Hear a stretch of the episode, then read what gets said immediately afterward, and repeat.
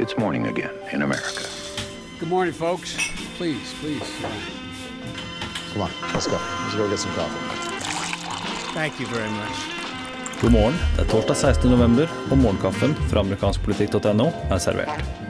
Det er vel ikke helt overraskende at jeg starter med en ny oppdatering om Roy Moore, republikanske senatskandidaten i Alabama. Eh, det er dessverre mer å melde der. På tirsdag kveld ble Roy Moore bedt av Fox News-verten Sean Hannity om å komme med bevis innen et døgn på at han ikke har gjort det han er anklaget for. Eh, og I går så svarte da Moore med et langt og åpent brev til Hannity, hvor han nektet for alt. Eh, et brev Hannity da leste opp i TV-showet sitt. Eh, og Hannity tok ikke avstand fra, fra Moore. Han sa vel at det var opp til velgerne i Alabama til syvende og sist. Eh, men det her skjedde da omtrent samtidig som Moore fikk nok en anklage om seksuell trakassering rettet mot seg. Og deretter kom det enda flere, og den saken her blir bare verre og verre. Men Steve Bannon har sagt at han aldri kommer til å forlate Moores side. Og det republikanske partiet i Alabama bekreftet i går at de fortsatt står bak Roy Moore, som ikke har tenkt til å gi seg. Og han kom da også med en twittermelding i går, kort og nokså god. Kjære Mitch McConnell, bring it on, skriver da Roy Moore på Twitter.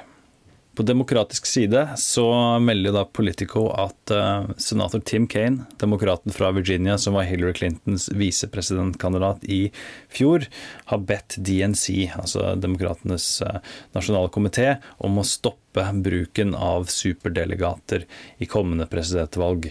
Uh, og i et brev til DNC-leder Tom Perez så legger dermed Kane seg på samme linje som Vermonts uavhengige senator Bernie Sanders, nemlig om at superdelegatene må fjerne fra den demokratiske nominasjonskampprosessen.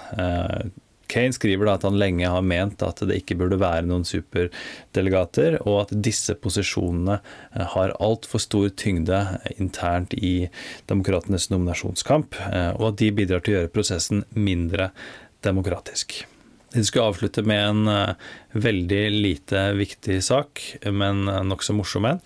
Eh, det er da president Donald Trump som etter sin lange tur til Asia kommet hjem igjen til eh, Det hvite hus og ønsket da å holde en tale om alt det han hadde fått til utenlands, eh, på tross av mange rapporter om det motsatte.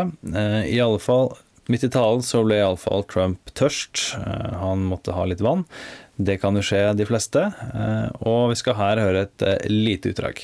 17 000 jobs. Thank you.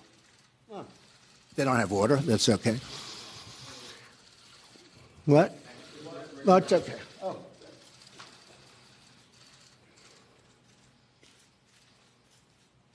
Japanese manufacturers, Toyota and Mazda. Det var jo selvsagt mange som ønsket å kommentere det her på vittige måter på Twitter, men det var ingen som slo senator Marco Rubio, republikaneren fra Florida, som opplevde noe lignende da han ga det republikanske motsvaret til president Barack Obamas State of the Union-tale i 2013. Og Rubio kommenterte opptrinnet med å si at uh, Trump bør, uh, bør, gjøre det her i én en enkelt bevegelse, og at øynene aldri må forlate kamera, men at det ikke var et dårlig første forsøk fra presidentens side. Dagens utgave av Morgenkaffen er servert av Per Åsmund Reimert og undertegnede Are Togflaten. Du leser mer om disse og andre saker på amerikanskpolitikk.no. Du finner Morgenkaffen i Spotify, iTunes og andre podkastapper sammen med Ampolkast. Veldig hyggelig, som jeg sier hver dag, om du tipser andre eh, som er interessert i amerikansk politikk, om podkastene våre og nyhetsbrevet, slik at vi kan nå enda flere. Følg oss gjerne også på Twitter at ampolitikk og at ampolkast og undertegnede at Areflaten. Og så snakkes vi i morgen.